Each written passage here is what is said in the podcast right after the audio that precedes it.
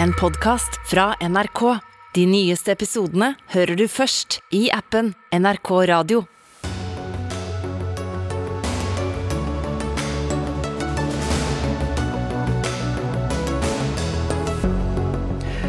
Nesten 500 menn tok sitt eget liv i fjor. Kommer ofte som et sjokk helt uten forvarsel, sier far som mista sønnen sin for snart to år siden. Slå sammen de tre nordligste fylkene, foreslår Unge Høyre, like etter at oppdelinga av Troms og Finnmark er i gang. De lytter ikke til hva folk ønsker, svarer Senterungdommen. Europa står midt i en energikrise. EU har ført en ansvarsløs politikk, mener Ola Borten Moe. Lett å være etterpåklok, svarer kommentator. Og Krykkja, den lille måsen, trekker inn til byer over hele landet. Der er den ikke velkommen, men hvordan den skal fjernes, er det ingen som vet. Dette er noen av sakene vi skal ta for oss i den neste timen her i Dagsnytt 18 på NRK P2 og NRK1. Mitt navn det er Morten Kræmer. Aller først skal det handle om at antall selvmord økte her i landet i fjor. Det viser en ny rapport fra Folkehelseinstituttet. 658 mennesker tok sitt eget liv i 2021. Av disse var 482 menn. Og det tallet har ikke vært så høyt siden 1990-tallet. Anders Lie Brenna, du mista sønnen din til selvmord for snart to år siden. Hvordan har de to siste årene vært for deg? Ja, de har vært unge. Jeg pleier å si at eh, det går jo ikke en time uten at jeg eh, tenker på sønnen min. Han var 19 år da han gjorde det 29.8.2020. Eh, så det er noe du aldri blir kvitt. Det er en permanent beslutning som ikke kan omgjøres. Så det, er tungt. det er tungt. Jeg lever og har det godt. På tross av det. Men det er jo fordi at jeg har fått veldig god hjelp. Jeg er en av de som har fått veldig god oppfølging, full oppbacking av alt og alle. Så sånn syns jeg er bra. Men jeg klarer meg, jeg går på jobb, jeg har venner, jeg har familie og alt sånt. Men eh, det går ikke en time uten at jeg tenker over det. Hvordan reagerte du når du fikk beskjeden om at eh, sønnen din hadde tatt sitt eget liv? Nei, det var jo ja, hva skal man si, Det var så sjokkerende som man kanskje kan tro. Jeg trodde jo ikke han hadde gjort det. Jeg trodde vi skulle finne han i live. Det gjorde vi ikke. Det var det som kalles et lyn fra klar himmel. Det var ikke noe forvarsel. Eh, det var liksom at vi går fra det ene øyeblikket og har det hyggelig å prate med naboen, og så, så er katastrofen et faktum kort etterpå. Så nei, jeg vet ikke hva jeg skal si om det. I løpet av de snart to årene som har gått, har du leita etter tegn sånn i etterkant? Ja, og det gjør alle. Jeg har liksom gravd og leta etter alt. Men jeg tror ikke jeg kunne hatt sjanse til å finne ut noe som helst. Det var ingenting som gjør at jeg kunne visst det på forhånd. Eh, han gjorde det på en lørdag. Eh, jeg pleier å bruke en analogi at jeg sjekka hva lottorekka var den lørdagen. Det vet jeg nå i ettertid, eh, men det er ikke etterpåklokskap. Det er bare at jeg vet hva faktum er. Og Sånn opplever jeg også at det var ikke noe som gjorde at jeg kunne vite at han kom til å gjøre det. Og Da har jeg på en måte løfta fokus litt. og så ok, Hvorfor kunne jeg ikke vite det? Og Grunnen til at ikke jeg kunne vite det, er at jeg visste ingenting om selvmord. Og Hvorfor visste jeg ikke noe om selvmord? Nei, fordi det skrives for lite om det, det prates for lite om det, og man vet altfor lite om det. Og Hvis du tar de tallene som har kommet nå med hvor mange menn som tok selvmord i fjor, 482, det er ti busslasser med menn som har tatt selvmord i løpet av et år. De tallene har vi fått nå i sommer for 2021. Vi vet jo ikke om dette her, for dette her går under radaren for absolutt alle. Folk flest, politikere, presse, absolutt alle. Eh, og vi vet ikke det før lenge etterpå. Vi vet f.eks. ikke hvor mange som har tatt livet sitt i januar, februar, mars, april, mai, juni eller så langt i juli. Vi aner ingenting. Det er et problem som ikke får oppmerksomheten det trenger. Og jeg tror vi er nødt til å ha massiv oppmerksomhet om det hvis vi skal klare å komme nærmere en løsning. Knut Harald Ulland, du er generalsekretær i Leve, Landsforeninga for etterlatte ved, ved selvmord. Historieatland eh, Anders Lie er dessverre ikke den eneste som, som vi hører. 658 mennesker tok sitt eget liv i fjor. Hva syns du om det tallet? Nei, Det er jo altfor høyt.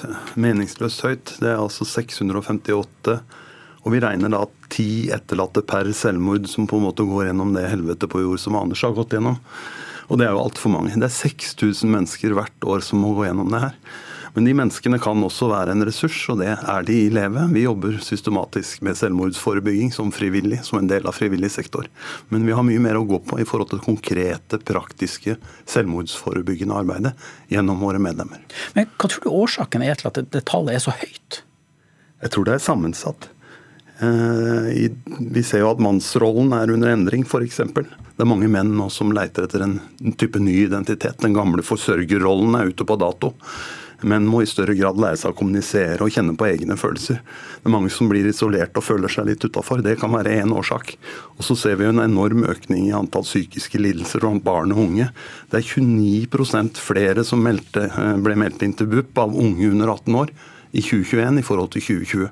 Så det er sammensatt, men, eh, men, vi vet at eh, det med ensomhet, isolasjon, ikke kunne snakke om det, er, er kanskje noe av det aller viktigste. Og så er antall selvmord blant menn veldig høyt. Vi må tilbake til 1990-tallet. Hva er den største utfordringa for oss menn når det kommer til det å, å snakke høyt om egne følelser? Jeg tror det har med vår egen oppvekst å gjøre. Jeg er jo også en generasjon som ikke er vant til å snakke om egne følelser. Jeg ble, da jeg vokste opp, så var ikke det et tema. Så jeg har måttet lære meg det egentlig i eldre alder. Og det har gjort meg til et helere menneske. og også jeg tror også det er viktig i forhold til det å kunne snakke om et såpass vanskelig og sårbart tema som selvmord, at man kjenner på egne følelser og deler de følelsene med noen. Ellen Rønning Arnesen, du er statssekretær i Helse- og omsorgsdepartementet fra Arbeiderpartiet. Hvordan er det å høre Anders Liv Brenna fortelle om tapet av sin sønn? Ja, Det gjør jo vondt, og det er jo, jeg vil jo tro det er umulig å sette seg inn i. Samtidig som jeg er utrolig glad for at vi kan sitte her i dag og faktisk ha denne samtalen. For det er jo også med å løfte tematikken og vise det at det er både folk som er verbalt sterke, som klarer å formidle dette på vegne av en mye større gruppe, og at vi også har en frivillig sektor som bidrar med det de kan, sånn som Leve gjør på sin måte. Og så er det sånn at, at, Flere regjeringer har hatt en nullvisjon når det kommer til eh, selvmord her i landet. Men i fjor tok altså 658 mennesker livet sitt. Hva tenker du om det tallet? Det er jo et altfor høyt tall, og det tallet mener jeg at vi skal si at det er for høyt uansett. Så jeg mener jo at den nullvisjonen er viktig å stå for. Det er jo en viktig verdi, eh, et verdibasert grunnlag å kunne kommunisere. Og så er det også noe med at Når man sier at man har en nullvisjon, så kommuniserer man jo også ut et håp om at det er et håp eh, for at det kan bli bedre, at tallet ikke skal være der det er. Og at vi sammen må mobilisere, sånn at vi både klarer å få et språk for dette her, og at vi også klarer å både forebygge den eh, situasjonen som da den som tar sitt eget liv kommer opp i, og at vi som samfunn klarer å være bedre. Da. Men, men hva innebærer en nullvisjon når det gjelder selvmord? Det betyr jo at man ikke vil at noen skal komme opp i den situasjonen hvor man velger å gå til det skrittet og ta sitt eget liv. Det er jo drastisk, og som du også sa, det er jo, det er jo point of no return. Det kan ikke gjøres om. Men har vi mislykkes da som samfunn når, når, når tallet er så høyt og vi er så langt unna en nullvisjon? Jeg tror ikke vi har mislykkes fordi vi faktisk klarer å snakke om det. Så kanskje kan man si at det er mislykket fordi tallet er høyt. Men eh, jeg mener jo egentlig at det egentlig bare setter ord på og kanskje er med å beskrive hva det er vi faktisk må gjøre. Så det handler jo både om hvordan vi styrker den generelle folkehelsa, at psykisk helse får større plass, og at vi også klarer å ha et hjelpetilbud som er på plass for de som faktisk da klarer å spørre om hjelp. Anders Liebrenna, hva tror du årsaken er til at det fortsatt er så mye tabu og skam rundt eh, selvmord? Jeg tror ting tar lang tid å endre. Og så er det et ubehagelig tema. Når jeg ikke visste noe om selvmord, så, altså Jeg hadde jo ikke noe lyst til å lese om selvmord før sønnen min var der. Jeg trodde kanskje på myten om at liksom, ja, det er folk som går ut og inn av en institusjon og den type ting. Jeg trodde ikke at liksom, det kunne være sønnen min som går fra liksom, det ene ytterpunktet til det andre eh, på det. Så jeg tror det er rett og slett Vi vet ikke. Jeg tror rett og slett at vi må ha en samfunnsmessig åpenhet. Altså Hele samfunnet må gå dit. Man må på en måte si at dette problemet det er ikke en personlig tragedie det er et samfunnsproblem. Så mange mennesker, Det er et samfunnsproblem, må tas dit. Og Hvis vi liksom sier at å, det er en personlig tragedie, så legger vi liksom at å, det er ikke noe vi kunne gjort noe med det. Men når vi snakker om over 600 mennesker hvert eneste år, så er det noen snakk om at vi, vet at det her kan vi ikke finne oss i. Vi kan ikke leve med at vi mister over 600 nordmenn hvert eneste år. Vi må faktisk gjøre hva det er. Og hvis vi ikke vet hva det er, ja, da må vi finne ut av det.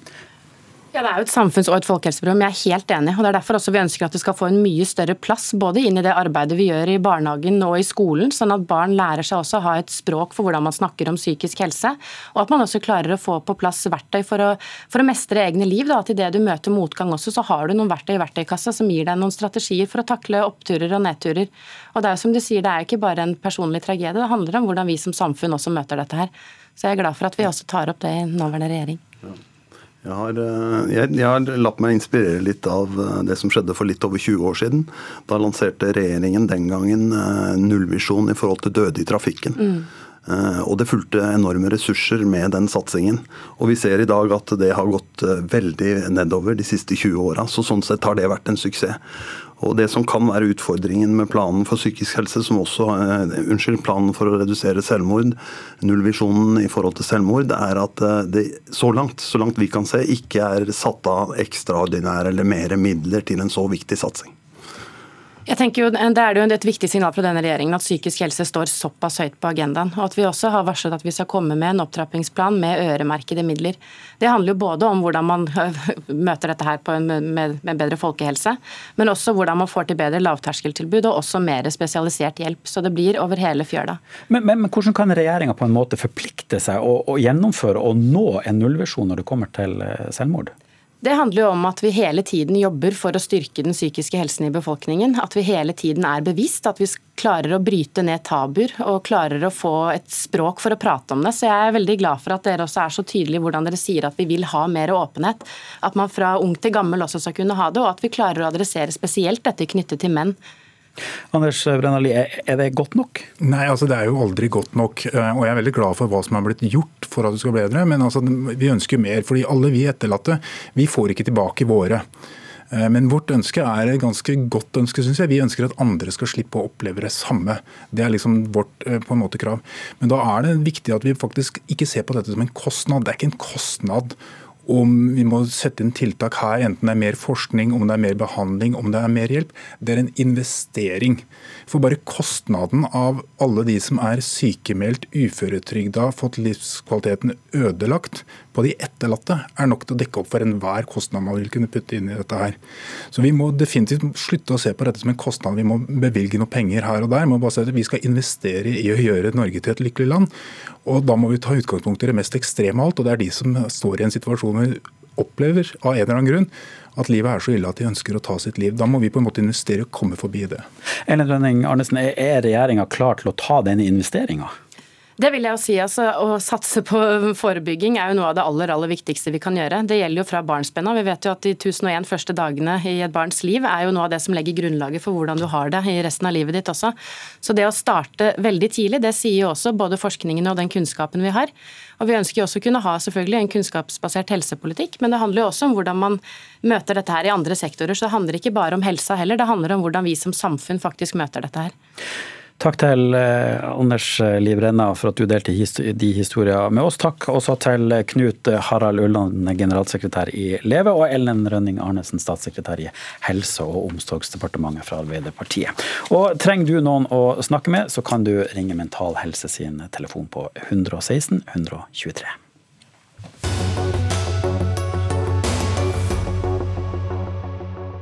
Byene blir større og yngre, og bygden mindre og eldre. I nordnorsk debatt så går diskusjonen om hvordan man kan bremse fraflytting av unge fra de tre nordligste fylkene. Løsninga slår Troms, Finnmark og Nordland sammen til en stor fylkeskommune. Og eh, Forslaget er det du som står bak, politisk nestleder i Troms og Finnmark, Unge Høyre Petter Hov Jacobsen. Hvorfor er dette den beste løsninga på fraflyttingsproblematikken? Det er for at eh, det å drive tre fylkeskommuner er altfor dyrt til under 10% av befolkninga. Det vi må gjøre nå, det er å samle fylkene, administrasjon og byråkratiet til én plass. Effektivisere prosessen og omfordele midlene som byråkratiet og fylkene i dag bruker på seg sjøl, tilbake til folket for å bygge infrastruktur, bedre veier og øke ressursene f.eks. inn i skolen. Dette er jo ting vi hørte da regionreformen ble lansert for noen år siden. Troms og Finnmark har jo også da nettopp gått inn for oppdeling med velsignelse fra regjeringa. Hvordan skal du få dem med på enda ei sammenslåing, og det med et fylke til? Jeg nevner det jo litt i kronikken min at eh, det er et ganske naivt forslag å få til akkurat for øyeblikket. Men eh, dette er et, et tiltak som eh, kan bli veldig, veldig bra på sikt. Og Det jeg ønsker, da, er jo at disse prosessene blir effektivisert. Og Hvis du bare tar Troms og Finnmark fylkeskommune som et eksempel, så er det et eksempel på hvordan en fylkeskommune skal drives på dysfunksjonell måte. Og Da sier jeg ikke at folkene som jobber i fylkeskommunen har gjort en dårlig jobb, men de jobber under eh, dårlige forhold. Og det kan vi bedre hvis vi eh, effektiviserer og samler dem på én plass. Anne Martine Broch Antonsen, du er styremedlem i, i Senterungdommen. Hva syns du om løsninga som Unge Høyre skisserer her? Jeg synes det er helt feil løsning og feil måte å komme med det på. Høyre har jo i åtte år nå ført en politikk som ikke kommer folk i Nord-Norge til gode. Det vi har lært etter åtte år med Erna Solberg som statsminister, det er at tvang og storsammenslåing, det funker ikke. Eh, så først og fremst er jeg glad at vi har Senterpartiet i regjering som fortsatt faktisk vil satse på utvikling og styrking av Nord-Norge. Jeg så synes det er rart at det bare tar noen uker fra Stortinget vedtar å dele opp Troms og Finnmark, før Unge Høyre nå kommer og plutselig vil slå sammen hele landsdelen i ett fylke. Det tror jeg er feil måte å gjøre det på. Eh, men nå er det jo sånn at det er bare 9% av Norges befolkning som bor i, i Nord-Norge. Med en samla fylkeskommune, en stor en, kan regionen jobbe sammen eh, for å bremse fraflytting av unge. Det høres jo fornuftig ut? Jeg tror det er feil måte å gjøre det på. Vi må høre på folket. Folket har tydelig sagt ifra at man ønsker ikke en storkommune. Når man ikke ønsker Troms og Finnmark som er en fylkeskommune, så ønsker man i alle fall ikke Troms, Finnmark og Nordland som en kommune. Da må vi heller ha andre tiltak eh, som nettopp gjør at folk blir boende. Petter Hov Jacobsen, lytter dere ikke til folket når dere kommer med denne løsninga? Jo, vi gjør jo det, så klart. Men det er viktig å peke på at dette er et tiltak som er ment for fremtida. Og fremtida er jo ungdommen. Og befolkningsprognosene fra Statistisk sentralbyrå sier jo helt klart at hva ungdom vil. De vil eh, til byene. Og da må vi spille byene gode for å også gjøre distriktene gode. Og så syns jeg det er interessant at Senterpartiet peker på at de vil tilbake til en fylkeskommune som ikke har råd til å ventilere videregående skolene sine, som må prioritere å legge ned linjer i distriktet, og som eh, bare gjør dette på bakgrunn av eh, symbolpolitikk? Brox Antonsen. Nei, jeg tror at vi må heller styrke fylkeskommunene, og vi må styrke kommunene. Vi trenger gode, sterke kommuner som gjør at folk faktisk ønsker å flytte tilbake dit. Eh, Senterpartiet har gjort en historisk satsing på bl.a. kommuneøkonomi. og Det gjør at eh, vi kan la ungdom dra ut, oppleve verden, studere. Men så skal vi ha de gode, trygge lokalsamfunnene som gjør at ungdom faktisk kommer tilbake igjen. Og det er det vi må gjøre. Eh, å gå imot folkets vilje og igjen skal kjempe for et nytt storfylke, det er helt feil måte å gjøre det på. Ja, Petter Hov Jacobsen, flere unge flytter jo til byene og vekk fra bygdene. Hvordan vil dette problemet løses dersom pengene går til de største byene? Ja, jeg kan være helt enig i at vi må eh, prioritere eh, byene. Det som er viktig nå, er at eh, de pengene som blir omfordelt fra de tre fylkene til det sentrale fylket, også kan da brukes til å vurdere f.eks. bedre veibanenett i Nord-Norge for å koble distriktene på, men også for å bygge bedre skoler og en infrastruktur som samsvarer med de problemene som Finnmark f.eks.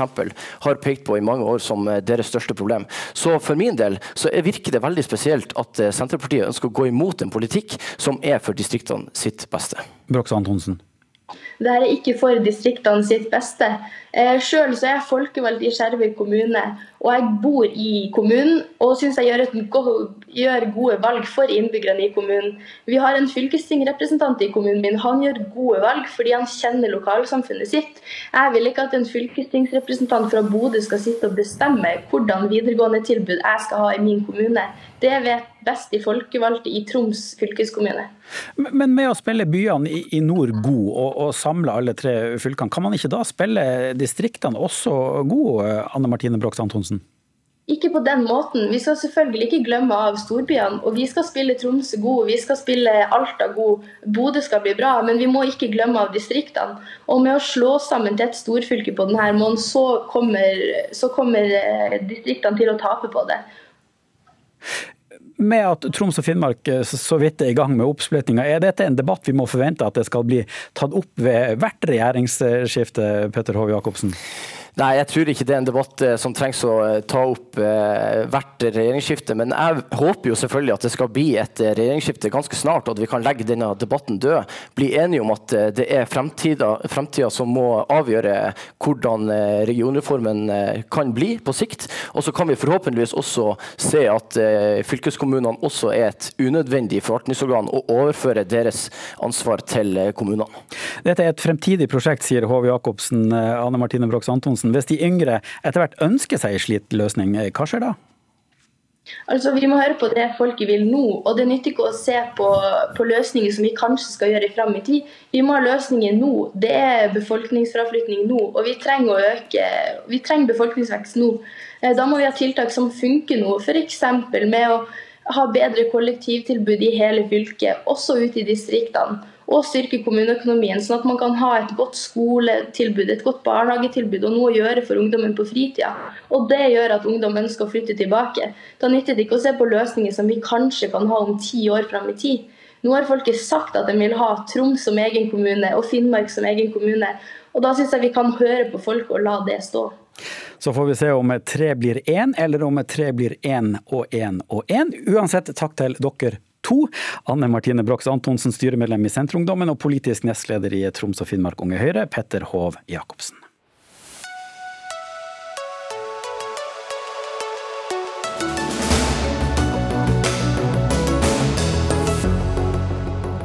Vi skal flytte oss fra hjemlige forhold til eh, det store utland, for USA durer og går som lokomotiv i verdensøkonomien. Men nå viser nye tall at amerikansk økonomi har slutta å vokse. Fra april til juni så krympa økonomien med 0,9% og det skjedde etter et fall på 1,6% i årets første måned. Enkelte økonomer sier nå at verdens største økonomi er i resesjon. Kyrre Omdal, eh, seniorøkonom i DNB Markets. Aller først, hva er en resesjon? En resesjon eh, er egentlig definert som et eh, ganske bredt og tydelig fall i aktiviteten i økonomien. Eh, og det må vare noen måneder. Hvorfor ser vi nå da en bred og tydelig nedgang i USAs økonomi? Det vi ser nå er at vi, Det har vært fall i BNP to kvartaler på rad. og Mange bruker det som en måte å, å, å, å antyde at det er resesjon. Men når vi ser på litt nøyere på tallene, så er det ikke så tydelig at, det er en sånn bred nedgang. Det er en del enkeltområder som, som går dårlig. I andre kvartal så var det boligmarkedet for eksempel, som gjorde det særlig svakt. I første kvartal så var det uh, veldig fall i, nettoeksport. Så det er, det er, ikke så lett å se at det har en sånn bred nedgang. Dessuten så er det en rekke andre områder i økonomien som gjør det bra, og særlig i arbeidsmarkedet. Er det derfor flere økonomer er uenige om det er en resesjon vi ser, eller ikke? Ja, jeg tror det at det er uh, veldig lett å henge seg opp i den, det noen kaller en teknisk definisjon på, på to kvartaler med fall. Uh, mens uh, National Bureau of Economic Research, som, som fastsetter disse resesjonsperiodene, de legger vekt på, på, et bredere sett av indikatorer. Og så til kanskje et stort og veldig viktig spørsmål. Altså, har dette noe å si for verdensøkonomien, og ikke minst for oss her hjemme, det som skjer nå over Atlanteren? Altså, amerikansk økonomi har svekket seg. Eh, det er det ikke noen tvil om. Og, det ligger jo an til at vi kan få en, svak utvikling også resten eh, av året. Med, særlig med videre renteoppgang. og Det er et av målene til sentralbanken. Å gi en svak vekst, eh, få mer slakk i økonomien, få noe høyere ledighet, slik at inflasjonen kan avta. Og Amerikansk økonomi er stor og har innflytelse på, på resten av verden. Så en svakere si, drahjelp derifra, det vil også virke inn for, for andre land. Hvordan vil vi her hjemme merke det, f.eks.?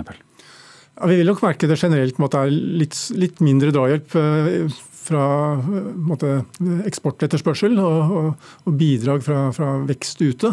Eh, så det vil nok legge litt demper på, på, norsk økonomi også. Og I går så, så vi at USAs sentralbank satte opp renta uvanlig mye igjen. Hva kan bli veien videre for økonomien nå?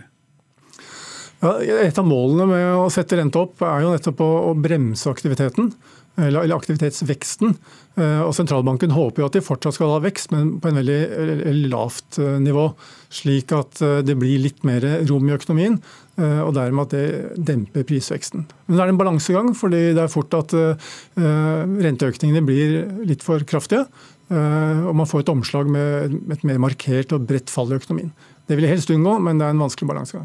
Har sentralbanken i USA tatt litt for hardt i nå, sånn at det blir å merkes ekstra mye for den jevne amerikaner? Det er vanskelig å si. De har bare satt renta opp til et vi kaller et ganske nøytralt eh, nivå.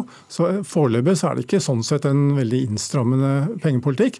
Men den veldig høye inflasjonen den virker jo bremsende på eh, store deler av økonomien.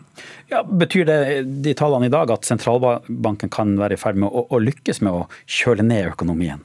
Ja, Det er jo tegn på det, da, at, eh, at dette virker. Og så vil det jo være slik at det er tregheter i, fra rentesettingen og over til hvordan det slår ut i aktiviteten. Slik at de siste renteøkningene fortsatt vil ha en bremsende effekt eh, fremover i tid. Hva kan det som skjer i USA nå ha å si for rentenivået i Norge? Altså, isolert sett så betyr jo ikke renteøkningen i USA eh, veldig mye for hva som skjer her hjemme, men det er noen felles drivere, nemlig det at uh, inflasjonen er høy. Og Hvis USA lykkes i å få ned inflasjonen, eh, og gi lavere inflasjonsimpulser også inn mot Norge, så kan det bidra til at eh, også Norges Bank eh, ikke trenger å sette rentene fullt så mye som de har planlagt. Hvordan følger vi med på det som skjer i, i USA nå? Nei, vi følger jo hele tiden løpende utviklingen i, i, USA. Både effekter som kommer gjennom realøkonomien, men også gjennom finansmarkedene. Ehm, så Det er jo viktig for å vurdere norsk økonomi, men samtidig så er vi jo mer eksponert egentlig mot europeisk økonomi og betydelige innenlandske drivkrefter vi må se på. Seniorøkonom i DNB Markets, Kyrre Dahl, takk for at du kom til Dagsnytt 18.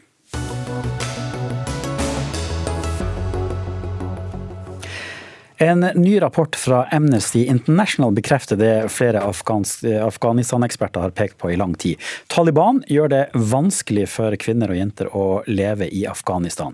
Ifølge rapporten utsettes kvinner for tortur og mer vold i hjemmet. Antall barneekteskap har også gått opp. Terje Magnusson Vatterdal, du er landdirektør i Afghanistan-komiteen og er med oss direkte fra hovedstaden Kabul. Det er en knusende dom over Talibans styresett sett som nå er kommet? Ja, det er det. Det er, det er, jo dessverre ikke overraskende. Eh, det er noe vi har sett utvikle seg de siste månedene. Så det er absolutt eh, grunn til stor bekymring for eh, kvinners og jenters situasjon i Afghanistan. Så Det er derfor ekstremt viktig at vi fortsetter solidaritetsarbeidet opp mot jenter og kvinner. Hvordan er det å arbeide i Afghanistan nå? Eh, det er en litt sånn surreal verden, fordi at eh, på overflaten så virker veldig mange ting, i hvert fall her i Kabul, ganske normalt. Eh, men så ser man jo, når man ser litt nærmere, så ser man langt færre kvinner ute på gaten enn det man gjorde tidligere.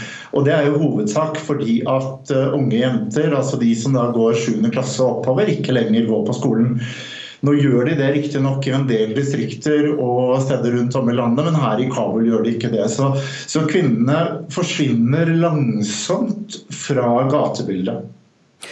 Sashia Majid, du har skrevet flere kommentarer i VG om situasjonen i Afghanistan. og For oss som er langt unna den virkeligheten de opplever, så er det kanskje vanskelig å ta inn over oss hvordan det er der nå. Kan du hjelpe oss å, å forklare hvordan det er?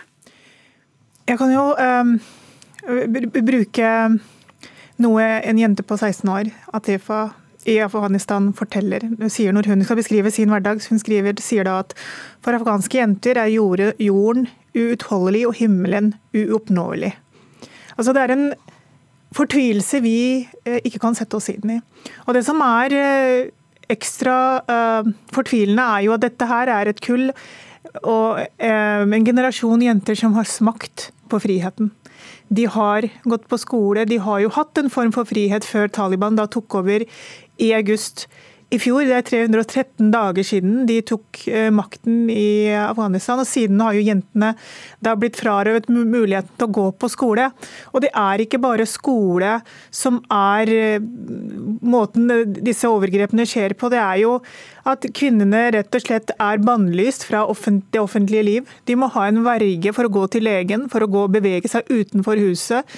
Parker er stengt for kvinner, de kan ikke jobbe. De må ha på seg viss type heldekkende klær. Og jeg leste nylig om eh, en kvinne som eh, altså det, er jo, Afghanistan er jo lutfattig og eh, står på randen av hungersnød. og Det er så mye lidelse i Afghanistan, og det gjør at kvinner er nødt til å, å kunne leve av noe. Så det er en jente som prøvde å selge iskrem fullt påkledd med hansker på i 47 plussgrader, men allikevel så var ikke hun tildekket nok da, for Taliban. Og denne rapporten er en av flere som peker på kvinnediskriminering i Afghanistan. Tror du at denne kan føre til noen endringer? Altså For Taliban sin del så er det, de, det er jo ingenting som biter på Taliban. og Det er der jeg mener at Norge har vært naive. Jeg skjønner jo at diplomati er en måte å løse situasjonen for disse kvinnene på, men det har ikke fungert. Vi hadde jo disse Soria Moria-samtalene i januar, hvor Taliban ble jo hentet på privatfly til Norge. Så, så, men det er ting som faktisk kan gjøres. Det viktigste for Taliban er å få anerkjennelse og legitimitet.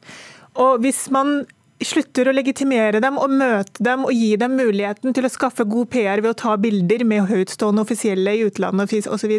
Det, det snakkes jo nå om at det er flere som, flere som ber om reiseforbud for Taliban, og at møtene gjerne skal, kan gå digitalt. Sånne ting. Og Taliban på sin side de mener at rapporten er en del av en, en svertekampanje mot dem. Men når blir, du, når, når blir presset mot dem for stort? Altså det er vanskelig, altså de, var jo ved, de satt jo makta ved makta. Det er, det er jo nesten bare fantasien som setter grenser for hva slags overgrep de kan finne på å bedrive. og det, det kan virke håpløst, men jeg tror at verdenssamfunnet allikevel har et stort stort ansvar. og Når det er så mye lidelse i verden som vi ser nå, det er så, mye, så mange kriser, så er det lett å glemme de afghanske kvinnene. Men det er ingen kvinner i verden som er, er i den situasjonen de afghanske kvinnene er i, som da altså ikke får lov til å gå på skole. Ja, ja, hvorfor tror du det er lett å glemme den? Jeg tror at vi har en form for fatigue med alle de krisene. Det er vanskelig å ta inn over seg. Og, og, jeg tror også noen ganger at man tenker at dette er kvinner som alltid har levd slik, og hvor ille Altså, dette tåler de, eller kan de leve med. Men de desperate på en måte uttrykkene og meldingene som kommer fra Afghanistan, vitner om alt annet enn at dette er noe de kan leve med. Terje Magnusson Watterdal, Vatterdal, uh, hvis ikke Taliban endrer kurs, så frykter du hjerneflukt fra både kvinner og menn. Hva, mener du med det? Nei, altså, vi, uh, vi har jo over 2000 menn og kvinner under kontrakt hos oss. Ca. 40% er kvinner. Og det er klart at Hvis de mister muligheten til å kunne utdanne døtrene sine, hvis det blir vanskeligere for de å gå på jobb, så vil veldig mange gi opp. Eh, de ble sviktet av Karzai, de ble sviktet av den forrige regjeringen. Og det lille håpet de hadde om at det nå kanskje kommer en fred, og en fred som kanskje er litt rettferdig, det er de også i ferd med å miste. Så det er veldig veldig viktig at eh, vi fortsetter presset mot eh, Taliban. At vi fortsetter å stå side ved side med de afghanske jentene og kvinnene for å sørge for at de som får lov til å gå på jobb, at de fortsetter å få lov til det. At de som får lov til å gå på skole, at de fortsetter å få lov til det. At vi presser myndighetene til å åpne opp flere jenteskoler. Så det er viktig at vi nå ikke gir opp. Vi må da faktisk øke presset mot Taliban eh, og peke på de rent praktiske problemene som det å utelukke kvinner fra offentligheten, hva det fører med seg. Så dette er tiden for å sette inn nye støt, etter min mening. Det er viktig nå at vi fortsetter det arbeidet. Eh, og eh, det er jo som min meddebattant sier, det er ikke eh, det er ikke lett å vite hvor denne veien fører til. Vi så det jo, altså Jeg var her også når de satt ved makten sist, og, og det kan bli veldig voldsomt. Eh, så det er nå viktig at vi forsøker å få, de, få, en dialog til. Eh, og Jeg vet at det høres naivt ut, og det er mange som er imot det. Men jeg klarer ikke å se noe annet alternativ, fordi kvinnene trenger det, og de ber oss om det. Sashia Majid, hvordan ser du på fremtida til afghanske kvinner? Vi, vi, kan ikke eh, miste håpet, og dialog er muligens veien. Men de, de, Taliban må Vi må være veldig, veldig, veldig klare i vår fordømmelse. Og så er det viktig å huske på at overgrepene har økt dag for dag. Når, når de var i Norge i januar, så lovet jo de at de skulle åpne skolene i mars. Men det har bare blitt verre og verre.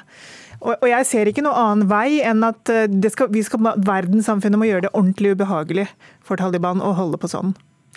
Takk for at dere var med her hos oss i Dagsnytt 18. Sashia Majid, kommentator i VG, og landdirektør i Afghanistan-komiteen Terje Magnusson Vaterdal, direkte med oss fra Kabul.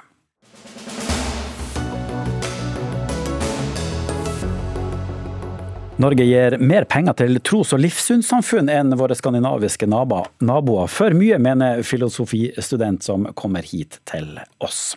Men først så skal vi snakke om en ny landeplage, nemlig krykkja, eller måsen om du vil.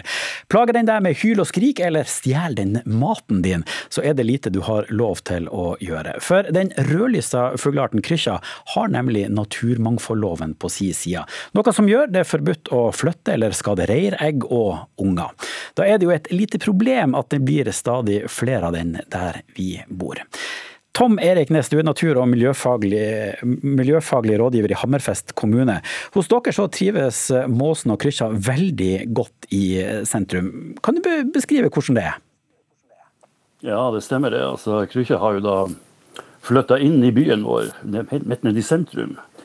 På hustak der og rundt om. og eh, Det har vel pågått nå fem-seks år. og eh, og det blir stadig flere og flere av dem også. sånn at det blir veldig mye støy som følger med det her, og pluss fugleskiter. Og, klart, eh, og et problem for de som bor nede i sentrum, da, ikke minst. Eh, folk har jo problemer med å få sove om natta, de kan ikke ha vinduet oppe. sånne ting.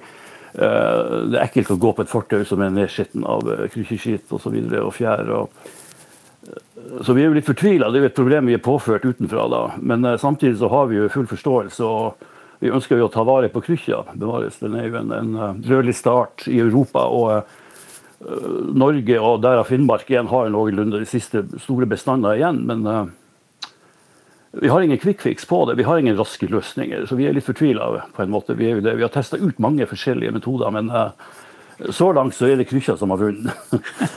vi, vi, er ute etter gode ideer og gode forslag på ting. Vi har tenkt mange tanker. og Uansett det vil koste en god del penger. Og vi har brukt faktisk noen millioner hittil på å prøve å løse eller redusere problemet da i Hammerfest. Ja, har det blitt verre de siste årene? Ja, det har det. altså. Den øker. Vi teller jo hvert år, og vi ser jo at det blir flere og flere fugl som hekker der. og, og de krykkjene som blir rugga ut, da, som, som, klekker og vokser opp i Hammerfest, de kommer tilbake igjen. da. Så altså, Krykkja er jo en trekkfugl som forlater sånn ut i oktober. og Krykkja i Finnmark den fær helt over Nord-Atlanteren, helt til Labrador og Newfoundland i Nord-Amerika. For da å komme tilbake igjen sånn i slutten av februar, begynnelsen av mars. Så det er jo egentlig den første trekkfuglen vi får. Det er jo krykkja som kommer. og eh, og Det blir flere og flere av dem. og det, Årsaken til det skyldes det er jo en av de i hvert fall at eh, det, blir, det er veldig mye rovfugl hun er utsatt for i de naturlige hekkekoloniene utenfor kysten. Ja, vi har med oss Tone Kristin Reiertsen. Du forsker på urbane krykkjer ved Norsk institutt for naturforskning i, i, i Tromsø. Eh, også en by som er prega av store måseproblematikk. Har dere denne raske løsninga som Hammerfest er, er ute etter? Ja, eh, raske løsninger det må jeg dessverre skuffe, skuffe alle med at det finnes det dessverre ikke. Men det er klart det å jobbe frem løsninger for å få eh, sameksistens, det har vi prøvd å jobbe en god del med. Prøve å se på hvordan vi skal gjøre det.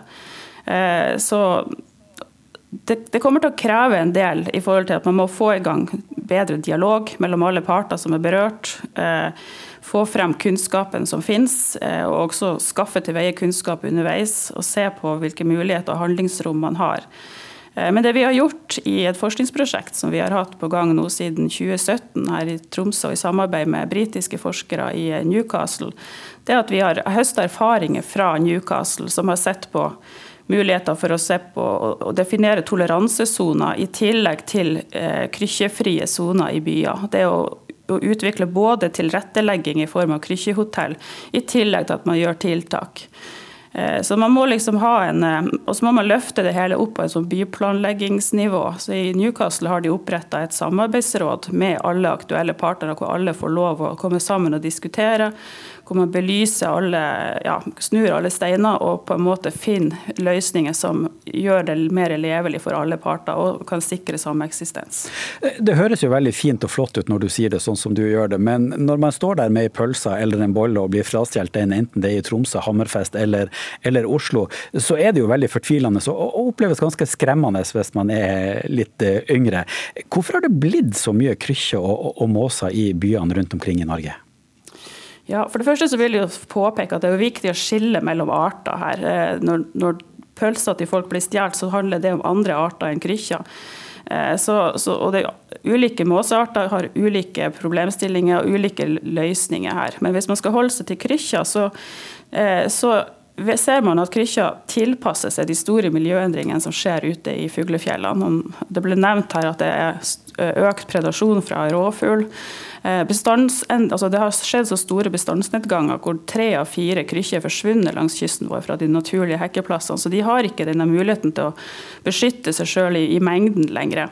Eh, og Da blir de mer utsatt for rovfugl. Eh, og da når de opplever så store miljøendringer som de gjør, så har de to valg. De kan prøve å tilpasse seg der de er, det har de ikke klart. Og så kan de flytte på seg. Så det at krykkja trekker inn til menneskene for å søke beskyttelse for rovfugl, det kommer til å skje mer og mer så lenge som miljøkrisa er sånn som den er. Så det er rett og slett klimaendringene, et varsel om de klimaendringene vi ser, som, som gjør at måsene trekker inn til byene? En del av det. Det er en del av, av problem, problemstillinga. Eh, fordi at Klimaendringer gjør at eh, det marine økosystemet endrer seg, og mattilgangen er ikke lenger så tilgjengelig for, for, for en art som krykkja, som, som, ikke kan dykke etter maten. Tom Erik Næss i, i Hammerfest kommune, dere har brukt mye penger på bl.a. en kunstig hekkevegg. Eh, hvordan har det fungert? Ja, altså Nå kom vi aldri så langt at vi fikk gjennomført det prosjektet da, pga noen naboer, sånn folk som vil da bli naboer til denne hekkeveggen litt ute i byen, de protesterte, og det har jeg full forståelse for. Det er jo ingen som vil være nabo med en, krykkjekoloni krukkekoloni så nært et bebygd område. Men ideen var veldig god, faktisk. Det var en naturlig fjellvegg der vi skulle spyle og rense og gjøre rein, også for, for jord og grus. Og så da sette ut gamle krykkjereir som vi hadde tatt vare på fra i fjor. da, og så eh, ha noen sånne krykker, kunstige krykker der og krykkjelyd, og så prøve å lokke henne litt utfor byen i nærområdet til byen. Altså, vi må prøve å finne ut på en måte komfortsonen for Krykkja. Hvor langt kan vi få ut? Hadde vi lyktes der, så hadde det vært et utrolig spennende og godt prosjekt. Men nå la vi bort de planene pga. protester fra, fra, naboer. Så eh, et annet tiltak vi har gjort i år, og det er en liten seier så langt, det ser ut til å bli en liten seier, det er jo at vi har biblioteket da, midt i sentrum av Hammerfest, som var den store hekkekolonien i mange år nå. har jo eh, vi måtte jo reparere det taket der uansett. og Det vi gjorde da, det at vi la på stålplater på taket, og det kosta eh, oss um, to millioner ekstra bare for å gjøre det tiltaket. Og klar, Krykkja klarer ikke å bygge reir på det her ståltaket, da, for det vil jo skli av. sånn at uh, og Vi hadde jo også dispensasjon da, fra Miljødirektoratet for å fjerne en som måtte komme der. Så uh, vi har vunnet slaget om biblioteket, men uh, Krykkja har ikke forlatt oss, så hun er jo bare flyttet over på andre tak i byen. så hun er der. Kampen fortsetter til uansett pris. Tom Erik Næss, takk for at du var med oss fra Hammerfest. Takk også til Tone Kristin Reiertsen, forsker ved NINA i Tromsø.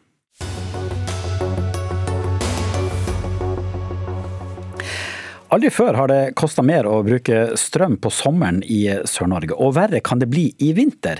Europa kan rett og slett komme til å mangle strøm med mindre gass fra Russland. Også Norge kan risikere rasjonering av strøm mot neste vår. Europa har bygd ned strømproduksjonen sin og flytta sikringsboksen til Russland, sier Ola Borten Moe til Klassekampen. Det får deg til å reagere, Kjetil Asheim, politisk redaktør i Aftenposten. Hvorfor det?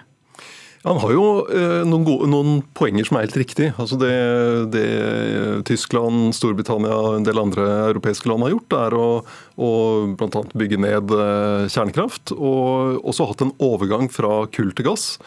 Og det har gjort eh, landene sårbare for, for russisk utpressing, som vi ser nå.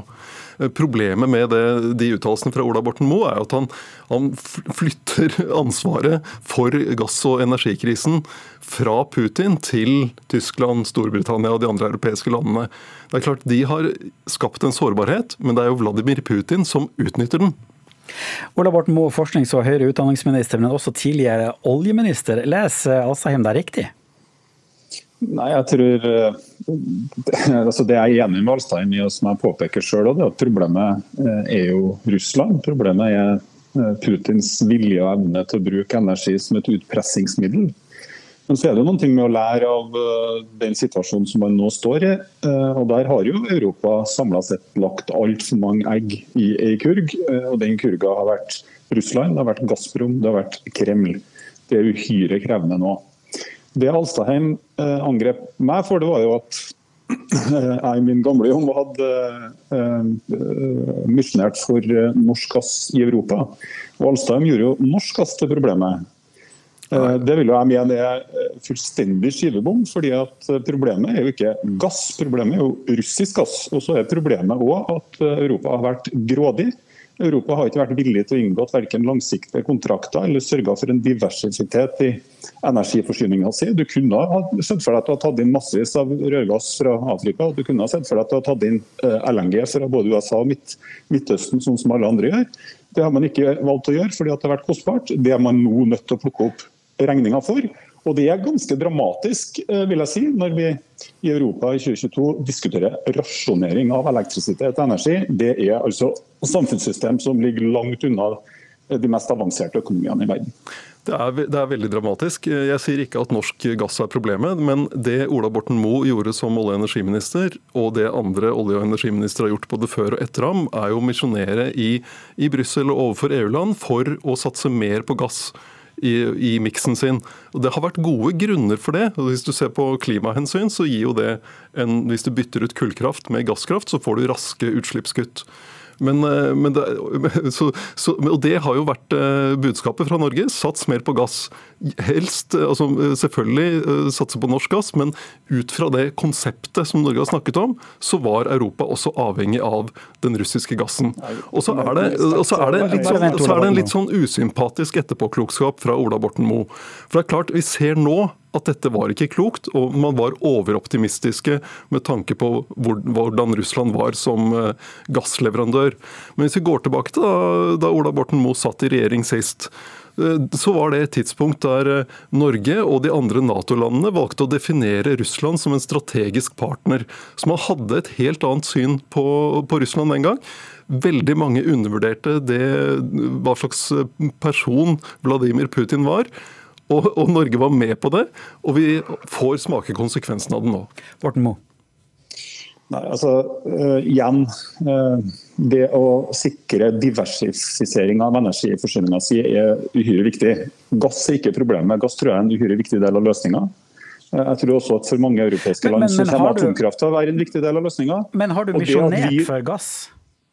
Selvsagt har jeg som olje- og energiminister prøvd å uh, skapt marked for norsk gass i Europa. og Nå skal nå Europa krysse seg lykkelig for at man faktisk har tilgang uh, på stabil forsyning fra et vennligsinnet, demokratisk og forutsigbart land. Og bare for å ta ett tall, og det her er ganske morsomt. Vi produserer i Norge 2486 TWh med energi. Det aller meste er selvsagt olje og gass. Vi produserer 15 TWh med vindkraft. Og Så kan man jo begynne å gjøre matematikken eh, på dette. her, fordi at eh, Alstaheim sin underliggende premiss er jo at istedenfor å satse på gass, så kunne man da ha satsa på fornybar energi og klart å løse denne krisen eh, tidligere enn det man kanskje ellers ville ha gjort. Altså, det Alsheim er en eventyrverden. Det er sånne enorme energimengder som skal erstattes på så kort tid. og Da bør man starte med kull. Vel, nå har Europa malt seg inn i et hjørne som gjør at man fyrer opp alle kullkraftverk som man kan komme over en gang til. Så dette er også en klimakatastrofe, i tillegg til at det er en katastrofe for industri og forbrukere, innbyggere i Europa. Ja, Det man ser nå, er jo at den omstillingen til fornybar energi burde gått raskere, og at også den satsingen på energieffektivisering burde vært satt inn mye større krefter på på et tidligere tidspunkt. Klart, hvis Europa hadde kommet lenger med den utbyggingen, så hadde hadde de vært mindre sårbare for gassutpressing fra Vladimir Putin nå. Det vi ser i, i EU eh, nå, er jo at de vil trappe opp den eh, omstillingen. Det blir krevende, eh, særlig når de, Tyskland blant annet driver og avvikler kjernekraften. Og så, så vil, vil, tror jeg nok Det som er helt riktig, fra, som Ola Borten Moe peker på, er at Norges rolle som gassleverandør kommer, Vi kommer til å se enda tydeligere hvilken sikkerhetspolitisk betydning det har. Så Det kan gjøre at du får et raskere grønt skifte i EU, mens eh, du får et saktere grønt skifte i Norge. fordi den norske oljen og gassen trengs når eh, man har andre upålitelige leverandører som Russland. Men, men, men hva slags ansvar har EU for den energikrisa Europa opplever nå? De har jo et ansvar for, eh, for, sin egen forsyningssikkerhet. og Det er jo det, det, de ser nå, veldig tydelig, at de har gjort seg for sårbare for, for den type utpressing.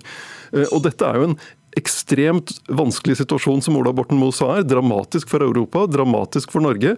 Spørsmålet er jo skal man da, sånn som Ola Borten Moe, drive og peke rundt og si Tyskland har vært uansvarlig, Storbritannia har vært uansvarlig, eller skal man peke på den som har ansvaret, nemlig Vladimir Putin, og så sammen med de som er våre naboer, de som står oss nærmest økonomisk, kulturelt, demokratisk, politisk, og sette seg ned sammen og finne ut hvordan kommer vi oss gjennom disse vanskelige månedene. Men energikrisa så vi jo allerede før krigen. Ja, det, det, ja, altså det, det, Vladimir Putin gjorde i fjor høst, var jo å begynne å skru til denne gasskrana. Det, det, var da man begynte å bli bekymret i Europa. For hva er det som skjer? Hvorfor får vi ikke mer gass fra Russland? Og det fikk vi jo svaret på da Russland gikk til angrepskrig mot Ukraina. Borten Moe. Ja. Ja, altså 1.1 i år så la eh, Tyskland ned Eh, brorparten av kjernekraftproduksjonen sin. De har fremdeles 6% av energiproduksjonen deres kjernekraft. Den planlegger de fremdeles å stenge nå i høst, eller til neste årsskifte. Det er pga. at det er en politisk kjepphest, kjepphest i Tyskland. Ja, Hvem sitt ansvar i det, Alstein? Er det norske forbrukere som skal plukke opp den regninga fordi at Tyskland ytterligere ødelegger sitt eget energimarked? Eller er det sånn at forutsetninga for et gjensidig godt samarbeid òg på energisida er at alle sammen faktisk gjør sin del av jobben. Og I tillegg så er det sånn at Norge eksporterer altså 2500 TWh med energi til eh, Europa. Ti ganger så mye som det vi lager av vann og vind. Eh, så altså, Vi gjør vår del og vel så det. Og så vil jeg si en ting til. Jeg har hatt ansvaret for mye av de 15 terawattene med vind som er bygd ut i Norge. Det er få ting jeg har fått så mye kjeft for. Også trusler. Og I Norge så bor det nesten ikke folk i forhold til det du ser i resten av Europa. Så Hvor skal all denne energien komme fra Alstadheim, når du snakker om et raskere, grønnere skifte? Det er jo ikke sånn at det er problemfritt i Europa å bygge verken kraftverk, vindkraftverk eller overføringsnett. Vi skal ikke eh, slippe til Kjetil Alstadheim helt til slutt. Ja, altså det, det, er, eh, det, kommer til å bli ekstremt vanskelig. Eh, nå ser jo den tyske regjeringen på om de kan greie å forlenge livet på disse tre siste kjernekraftverkene. Jeg håper virkelig at de får til det. Og så, og så tror jeg, og så tror jeg, altså, og så tror jeg det som kunne vært interessant, var jo å få debatt i dette studio mellom Ola Borten Moe og hans regjeringskolleger. For jeg har Ola Borten Moe sier at EU må kutte i, altså droppe klimamålet sitt. Jeg tror ikke klima- og miljøminister eh, Espen Barth Eide er enig i det. Jeg tror, jeg tror heller ikke Terje Lien Aasland, olje- og energiminister, har den samme tilnærmingen til. Eh, samarbeid med våre naboer, eller at statsminister Jonas Gahr Støre har det. Og de debattene der vil jeg gjerne høre på. Kjetil Astadheim, politisk redaktør i Aftenposten, takk for innspill til en eh, ny debatt her i Dagsnytt 18. Takk også til Ola Borten Moe, forskning- og høyere utdanningsminister og tidligere olje- og energiminister.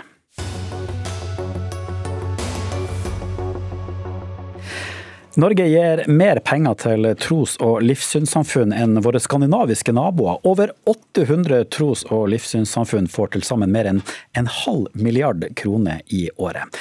Ali Jones eh, Al-Qasemi, du er filosofistudent og fast skribent i Subjekt. I Vårt Land så skriver du at eh, det er altfor mange tros- og livssynssamfunn som får eh, statsstøtte. Hvorfor mener du det? Uh, jeg, jeg prøver å poengtere at Norge fører en mye mer radikal eh, finansieringspolitikk til tros- og livssynssamfunn enn eh, en andre land. Da. Og at vi bør passe på at eh, disse pengene faktisk går til Eller hele poenget med å finansiere disse samfunnene er, man, er at man i fremtiden kan fostre et pluralistisk, demokratisk samfunn. Da. Og da bør vi passe på at disse pengene faktisk går til det formålet. Ja, ja, hvor stor bør et, et trossamfunn være for å kvalifisere til å få til å få statsstøtte? Uh, det, har, det, har, ikke så mye å gjøre med størrelsen på trossamfunnet, men, eh, men, heller kvaliteten. Da. At det er transparent, transparent og at um, uh, ja, at, at, det fremmer de samme verdiene som selve finansieringen er grunnlagt på. Da. Det er jo grunnlagt på religionsfrihet, og at man skal kunne fremme ulike verdenssyn og ulike stemmer. Og Da vil man passe på at disse samfunnene faktisk holder disse verdiene. verdiene. Og når jeg sier at uh, bare de største bør, uh, bør, finansieres, så kommer det av at uh, man vet at Den norske kirke f.eks. og Human-Etisk Forbund, som er tros- og livssynssamfunn, eller sånn selve den betegnelsen er jo basert på disse to At, at de fremholder de, de, verdiene som denne finansieringen er basert på. Ja, at, men, er, men, når det er så mange samfunn, så er det ikke sikkert at man klarer å holde kontroll da, på at dette er en god investering og en sånn fremtid. Men hvis man kan kvalitetssikre det, så, så er det jo ikke nødvendigvis et problem. Men jeg setter bare tvil på om, på man er i stand til å gjøre dette. Ingrid Rosendorf Joyce, du er generalsekretær i eh, Samarbeidsrådet for tros- og livssynssamfunn. Finansierer vi altfor mange trossamfunn sånn som det er i dag? Nei, vi gjør jo ikke det. For det er så mange uh, tros- og livssynssamfunn. Og, uh, og, det er flere grunner til at vi gjør det. Det ene er jo at, uh, at man finansierer Den norske kirke. Og da må man også finansiere de andre tros- og livssynssamfunnene. Det er ikke noe menneskerettighetsforpliktelse å finansiere tros- og livssynssamfunn, men hvis man velger å gjøre det, så må man likebehandle. Og Det er jo viktig å ha det historiske perspektivet med at dette er eh, staten som innkrevde kirkeskatt på vegne av Den norske kirke. Og Så ble man enige om at det var urimelig at de som ikke var medlem av Den norske kirke skulle være med å finansiere. Så man da, eh, kunne man da krysse av på at man tilhørte et annet tros- eller livssynssamfunn. Så denne finansieringen av de andre tros- og livssynssamfunn utenfor Den norske kirke er skattebetalerne i de tros- og livssynssamfunnenes kirkeskatt, kan du si, eller tros- og livssynsskatt. Så det er rimelig at de som eh, er i de ulike tros- og livssynssamfunnene, får den delen av kaken til seg. Men, men, hvordan følger vi med at eh, det vi finansierer faktisk brukes til tros- og livssyn? Eh, det er jo da eh, det er ca. sånn 13, 1300 kroner eh, per hode da, som, som, går til det. Og det er klart De store tros- og livssynssamfunnene, som, som Ali nevnte, Norske kirke, Human-Etisk Forbund, kunne lagt til noen av de muslimske, Den katolske kirke, og, og sånn, der, der, er det jo store beløp det er snakk om. Men en del norske, norske samfunnet er på tros- og livssynsfeltet veldig oppdelt. Det har også en historisk bakgrunn med små små pinsemenigheter, små frimenigheter og også en del små muslimske trossamfunn. De får jo da det samme eh, stykkprisen, kan du si. da. Så Hvis du har et, et, samfunn med 50 medlemmer, så får de da 50 ganger dette. Så det er jo, Da er det plutselig ikke snakk om de helt enormt store eh, beløpene, og langt fra nok til å til å, til å drifte et trossamfunn. Eh, det, eh, jo mindre trossamfunnet er, jo, jo, mer eh, egenbetaling og egeninnsats må til for å kunne drive et, et livssynssamfunn eller et trossamfunn. Men, men, Er det de store eller de små du vil til livs gjennom det? Jeg, jeg, tenker på det med likebehandling. Altså De som jobber for Den norske kirke, da, de er de er utdannede prester, og den, det er en veldig høy kvalitets... Eller den, den utdanningen har veldig høy kvalitet. Du må, du må, du må studere se, seks år for å, for å, bli prest. Og, man, øh, og, det er en veldig høy forventning å ha for, for, å i det hele tatt være leder i et tros- og livssynssamfunn. Jeg tenker, og jeg tenker at man har jo sannsynligvis ikke Eller man baserer denne finansieringen på per hode, men ikke på øh, kompetanse eller mengden arbeid som, som øh, som går inn i å drifte disse tros- og livssynssamfunnene. ja. Jeg tenker, eh, i, i, i, Norge så gjør vi det ofte sånn at vi finansierer en del ting eh, over skatteseddelen som vi tenker at er fornuftig at folk skal kunne ta del i, uten at det skal være avhengig av størrelsen på lommeboken. Det gjelder hele frivillighetssektoren. ikke sant? Vi støtter frivillige eh, organisasjoner. Det er over 100 000 frivillige organisasjoner i Norge som får en stor del av, av tilskuddene nettopp fra, fra det offentlige. Eh, det gjelder også tros- og livssynssamfunn. Det tenker jeg er en god, eh, en, en god, investering for samfunnet. Men medlemsjuks har vi jo sett i andre deler av samfunnet også. Kan det ikke skje også i, i tros- og livssynssamfunnet? Absolutt kan det skje eh, der som alle andre steder. Det, man har ingen garantier for det. Men, men jeg tror ikke størrelse, altså størrelsesorden med 800 er jo ikke noe som jeg tror skremmer livet av byråkratene. Til sammenligning da 100 000 frivillige organisasjoner. Vi, en, altså vi tenker jo på mangfold som en ressurs. både både politisk, altså i politiske sfæren, vi tenker på det i medier, masse eh, lokalaviser osv. Det å ha et mangfoldig sivilt samfunn er en positiv, eh, en positiv greie. Det, det, det gjør oss også robust som samfunn. Eh, det har noe med tilliten mellom enkeltmenneskene og, og, og, myndighetene som jeg tror er en viktig ressurs, og det er vanskelig å sette en prislapp på. Det er vanskelig å sette en prislapp på det, Er det ikke greit helt til slutt? Jeg, jeg liker det her, jeg. Du, det er bra. du liker det her, Ali Jones. Det er fint å snakke med ekspertene. Det er fint å snakke med eksempel. Ali Jones, Alka Semi og Ingrid Rosentorp Joyce, takk for at dere kom til eh, Dagsnytt eh, 18. Ansvarlig for eh, sendinga i dag, Sofie Lork Falk. Teknisk ansvarlig, Frode Thorshaug. Mitt navn er Morten Kremer.